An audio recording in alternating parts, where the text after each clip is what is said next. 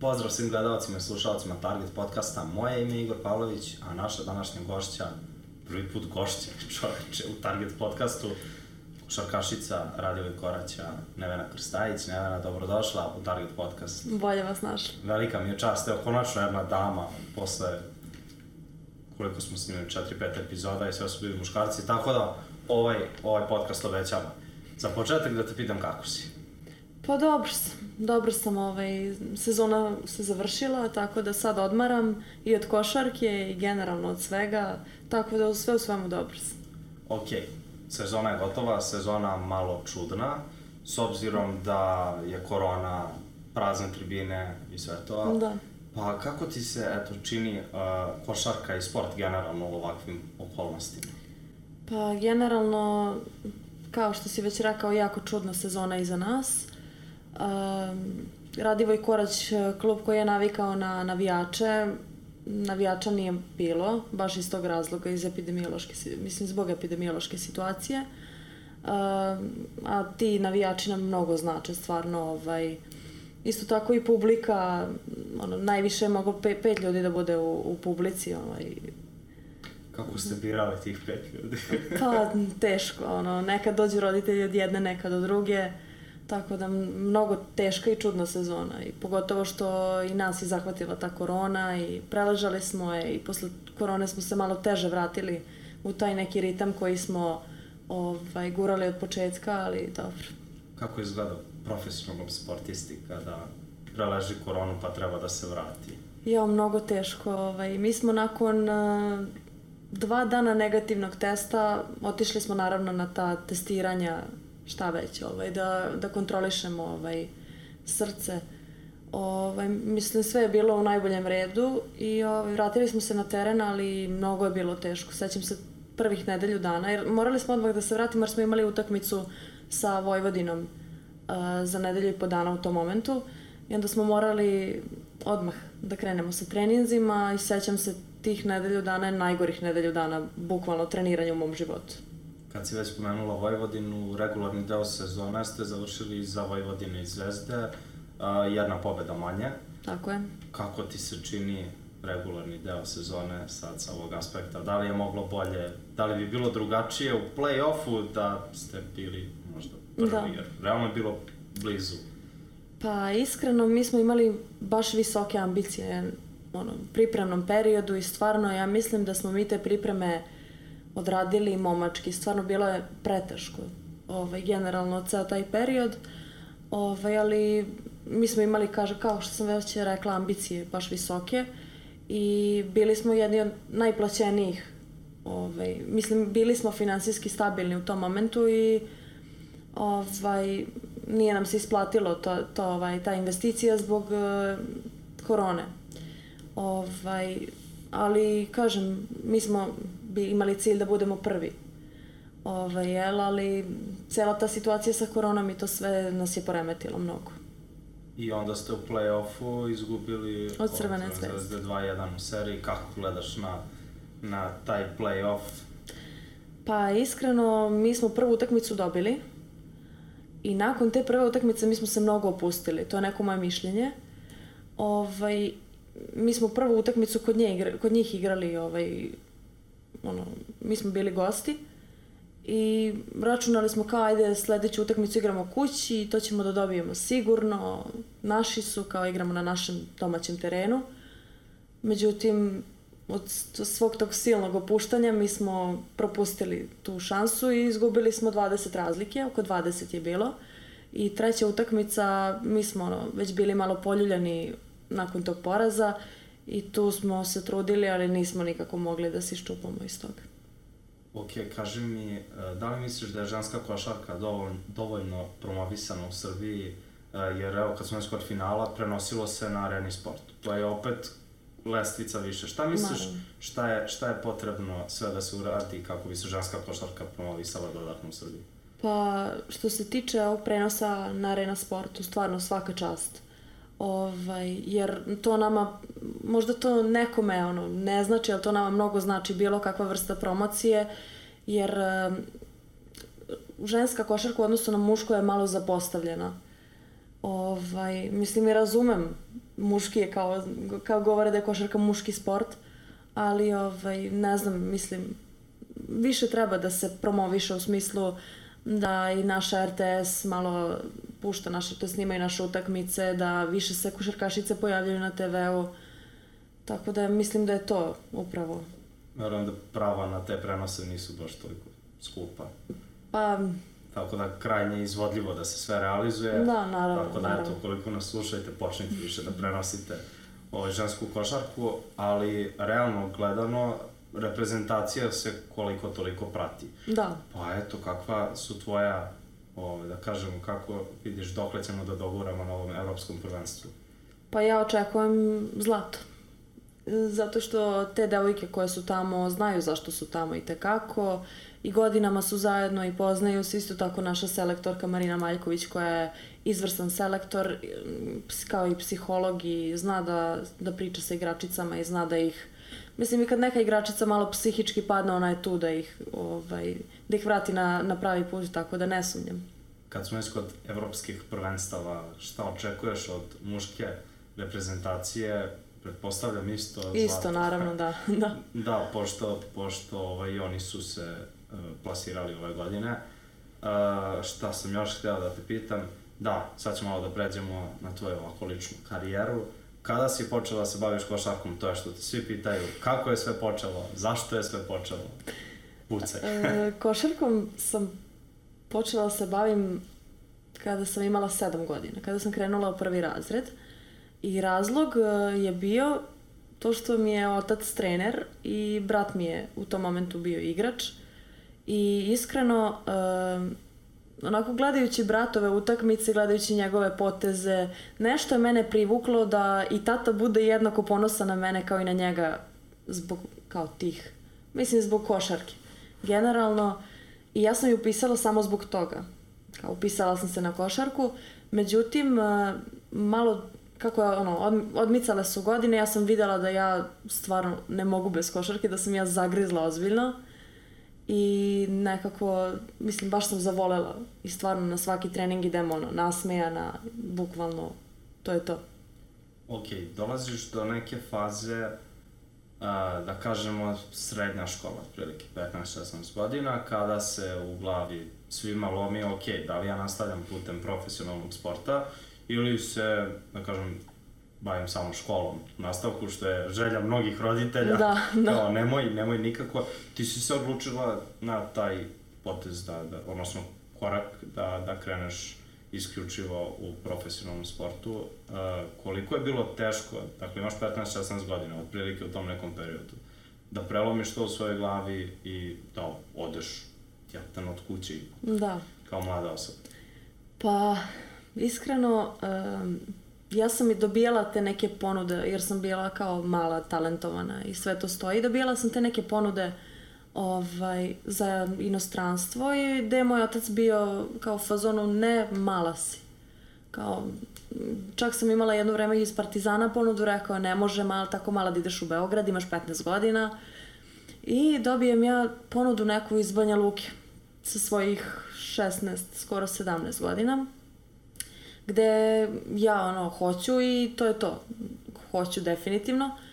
I tata je ta, ta, u tom periodu bio u Italiji i ja ga nazovem, rekao, tata, hoću da idem, znači ne, ne, ne želim da čujem tebe ne, jer ću pobeći. I ovaj, on je rekao, dobro, ajde, sad ću da, da se informišem, on se tu informisao i ništa, kao, ajde. Vratio se iz Italije, odvezao me tamo. Uh, sa svojih 17, to je 16, skoro 17 godina mi je mnogo bilo teško. Pogotovo što sam ja mnogo vezana za svoje roditelje i razmažena sam i to mi je bilo baš onako teško, ali tad sam eto prelomila, na primjer, pro, ovaj, prešla sam na vanredno školovanje, baš iz tog razloga ovaj, sam išla vanredno u školu i iskreno ne kajem se, jer to je bio neki moj put i neki moj izbor. Ok, ko ti je bio, da kažemo, košarkaški uzor, ajde, muški, ženski, oba? Pa kao prvo moj brat, ali ono, sad da kažem neke poznate ličnosti. I... Ok, brat, ali ja, Da. da, da, da gledamo onako, a, to sa nekog drugog aspekta, recimo koga gledaš na TV-u kao mala i kažeš želim da budem kao ova osoba. E, pa što se tiče ženske košarke, Sonja Vasić. Ona je uvek onako... To jest, na, mislim, ista smo pozicije i nekako gledajući nju, kroz, kroz to što ja gledam nju, ja vidim sebe za par godina. I ono, ona me fascinira. Ok, a muški? A muški, muški LeBron James. ovaj, njega stvarno pratim od malena i često sam se ono budila noćima da gledam njegove utakmice, nekad nisam ni spavala. Uh, pratila sam ga, baš dugo ga pratim i u koji god klub onda pređe i ja uvek navijam za taj klub, tako da... Ti nisi navijač Lakersa, ti si navijač Lebrona. Lebrona, upravo. da, kaži mi, uh, kad si već pomenula tatu, koliko je teško uh, funkcionisati kada je tata ulazi trenera? Eto da kažem, kako se slažete u tim okolnostima? Uh, pa, za mene je tata, on je, on je postavio taj neki autoritet nadamnom i ja nisam bila ta koja smem njemu da se suprotstavim. Da. Je. Ovaj, nisam smela da mu se suprotstavim iz razloga što on bio onako malo onako izgleda namrgođeno, izgleda strašno, ali on uopšte nije takav. Ovaj, I tako kad mi je bio trener taj period, ovaj, bilo mi jako teško jer um, uvek je bilo te neke sujete, uvek sam ja igrala zato što mi je tata trenera, zaista tako nije bilo jer um, generalno jako malo para ima u ženskoj košarci, to svi znaju i u tom momentu nisu imali adekvatnu igračicu na mojoj poziciji, ja sam bila mlada i oni su svi govorili kako sam ja igrala zato što mi je tata trenera, zapravo nisu imali ni jednu drugu igračicu na mojoj poziciji da bi ovaj, da ja ne bih igrala, tako da Kome više tata popušta na treninzima, tebi ili bratu? Mm, pa meni. Brat je ono, on je mnogo posvećen i on je bukvalno, znači, treningu u 10, on ustane u 8, on ima taj neki njegov ritual, leže rano, hrani se zdravo. Ja sam, na primjer, osoba koja malo krivuda što se tiče toga, ali opet ovaj, prestrožije prema bratu, jer mislim da od njega opet više očekuje ono muško. Opet očekuje naravno i od mene, ali kao ženska košarka I, ovaj, I to što non stop ponavlja je da meni mno, mnogo manje treba da radim, jer sam kao visoka i ne igram te, tu poziciju kao i on, on je playmaker i njemu mnogo više treba da radi i onda se više posvećuje da kažem njemu. Da li ti jedan od uslova u ugovoru kada propisuješ za neki klub da ne dolaziš na jutarnje treninge ili tako nešto? pa ja bih voljela. Šalim se, ovaj, pa generalno ja ne znam čoveka, osobu, ženu, nebitno, koju, ko, koja voli da ustaje u, u, rano. Mislim, pogotovo još ono, ustanem u devet i treba da trčim sad, ono, nisam se još ni probudila. Ali dobro, ovaj, volim da treniram i onda to ajde nekako i lakše, kao idem da napredujem, idem zbog sebe, tako da... Ok, Sonja ne nosi broj 14, koliko ja znam. Zašto ti nosiš broj 14? Um, moj tata dok je igrao košarku, celu karijeru je nosio broj 14 i rođen je 14. septembra, mislim da mu je baš zbog toga i omiljeni broj 14. I, ovaj, I kao mala sam ono, bila tatina maza, ajde da kažem. I, ovaj, i non stop sam govorila da ću da nosim 14 celu karijeru, kao, mislim, naravno ako bude slobodan taj broj, baš zbog njega. Zato što je on kao, ne znam, mislim, on je mene naučio i prve korake i bio uz mene i moja podrška. Tako da zbog njega najviše. Ok, sad već moram da pitam kako mama gleda na sve to. pa, dobro, mama je ovaj, opet, ona nije u košarci, nije nikad trenirala, nije toliko kao mi, ali mama je ta koja je fanatik najveći u kući, koja isprati svaku utakmicu, koja čak i dok, dok nisu bile utakmice zbog korone, ona je gledala uh, od prethodne sezone bratove utakmice, moje utakmice, ona je baš onako prava podrška i pravi fanatik. Pomenula si malo pre Lebrona, pa eto da te pitam koga vidiš kao šampiona NBA lige na kraju ove sezone? Pa, naravno, Lakers. e, da, evo, još jedno zanimljivo pitanje je koliko profesionalni sportista stiže da isprati profesionalnu košarku van svojih utakmica, jer, ok, Lakers igraju četiri ujutru. Da. Pa, ja kada sam došla u Beograd, pošto mi je ovo prvi put da sam u nekom, kao da kažem, ozbiljnijem klubu gde je sistem, ovaj, u početku sam kao ono igra Lebron, e, kao probudit ću se u četiri, međutim one pripreme su bile paklene, tako da nisam imala stvarno snage da se budim u četiri. Ali generalno, ono, Euroligu, ABA ligu, KLS, to mogu da ispratim nekako. Najviše ABA ligu i KLS, ali ovaj, mislim, od silnih obaveza treninga dva puta dnevno, ono, kako su, mislim, normalno treninzi, ovaj, utakmice, baš onako teško je stvarno ispratiti sve. Za koga navijaš inače u NBA? Da li imaš klub kao koji voliš ili ono gde je Lebron, tu sam ja? Gde je Lebron, tu sam ja. Ok, a, da se zadržimo još malo na NBA-u. Bogdan Bogdanović igra nevjerovatno. Da, Kuševski da, da, da. beleži neke brojke koje se nisu očekivale od njega. Kako komentarišeš to? Pa Bog je generalno igrač koji, mislim, ja Bogdana znam još od ono, mislim znam, pratim još baš, baš ono dugo i od kad je bio u Partizanu ja sam njega ono gotivila i ja za njega mislim da je sjajan igrač i tek će da bude.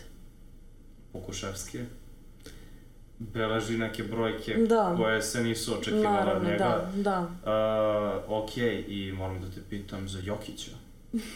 Ka- Mog kako- sam borca. Kako, kako gledaš, da, pa vi ste, Da, tu smo. tu ste negde, da. Ka, kako gledaš na njegove partije i može li Jokić do MVP nagrade konačno? E, koliko god ja volela Lebrona i sve, Jokić je za mene najveći car ikada, jer ja sam Jokića imala priliku i da upoznam. Ovaj, Jokić je dečko koji, iako je sad NBA zvezda, iako je sad mnogo poznat, zarađuje mnogo novca, on nije osoba koja će sad, kao, ne poznajem te, nego mislim, mog brata tako sretne na ulici, javi mu se, popriča sa njim, mog, mog oca isto. ovaj, moj brat i oni, on su igrali ovaj, u istom periodu, mislim, oni su isto godište. I znaju se. I ovaj, stvarno, čovek baš onako skroman je mnogo i stvarno izuzetan čovek, stvarno. Ovaj, jedan od onih, uh, leg, znači što mu se tvoj brat zapravo nije javio kad je napisao hoće li neko na basket 2010. Kao, da li ti je žao što možda se ti nisi uključila? Da je stajao bar jedan komentar, kao, ova da- devojka je verovala u njega. Da, ovaj, uh, ajde da se vratimo malo još na tvoju ličnu karijeru. Uh, kakvi su ti planovi, ambicije, želje, ciljevi, dugoročno gledano? Pa ja, mislim, generalno od sebe očekujem da se malo ozbiljim po pitanju tatinih treninga, da budem redovna, da Spavanje i sve. spavanje, ishrana, da slušam njega pre svega, jer do sad je bilo onako malo, malo sam ovaj, hvatala krivine i nisam ga slušala, ali nadam se da ću ovo leto sad da radim i pošto imala sam povredu sad ovaj, ove sezone, tri meseca nisam igrala i ovaj, nisam ni trenirala i nadam se samo da će on da me oporavi i da me vrati na teren i da mi vrati samopouzdanje. Nadam se najbolje. Znači i korona i povreda Da. i bukvalno sve. Uh, I završit ću ovaj razgovor sa jednim pitanjem koje sam takođe dobio na Instagramu. Uh, tebe prati baš dosta ljudi na Instagramu. I mnogo ljudi se pita da li će Nevena da se bavi modelingom ili kako se već kaže nekada u svojoj karijeri, nakon karijere ili kako god. Pa eto, odgovori ljudima. E, kao mala, kao mala ja sam ovaj, izrazila želju mojim roditeljima da se ja bavim manekenstvom, modelingom, da ono, budem kao neki, ajde da kažem, model. I ovaj, gde mi je otac rekao, ne, ne, nikako. I ja sam kao ono, ljutila se, kao, ono, di- dignem nos kao, bože, ne da mi da budem model. I ovaj, do pre možda godinu, dve, kad sam ja shvatila zapravo čega sve treba da se odrekneš, šta se sve tamo dešava, mislim, nemam ništa protiv, apsolutno, negde se i ne dešava toliko to nešto, ali ovaj, zapravo S akcentom na toliko. toliko. ovaj, ne, ne, ni- nikad se ne bih bavila modelingom. Mislim da smo završili ovaj razgovor sa manje nezgodnim pitanjem od onoga za koga Nevena navija Zvezdu ili Partizan. Apsolutno. Da, tako da, okej, e, ja ti želim ono, stvarno svu sreću i da te zaobiđu povrede u nastavku karijere, gde god da budeš, ne možeš to da nam otkriješ sad, verovatno, s Da. obzirom da, je finansijska situacija katastrofalna u svim klubovima. Da, to, da. Nakon, nakon ove sezone, tako da ja ti želim svu sreću, hvala ti što si, što si bila deo Target podcasta i nadam se da ćemo se gledati ponovo. Hvala U vama. nekom- Čast mi je da, da Vama. budem... Čast mi je da budem gost. nadamo se da ćeš biti još nekada. Tako da, recimo sa zlatom sa nekog evropskog ili svetskog za reprezentaciju. Nadam to je, se. to je okej, okay, to je okej. Okay. Ništa, to bi bilo to. Uh, vi nas zapratite na Instagramu, YouTubeu, Spotifyu, Deezeru, svuda gde možete da nas zapratite.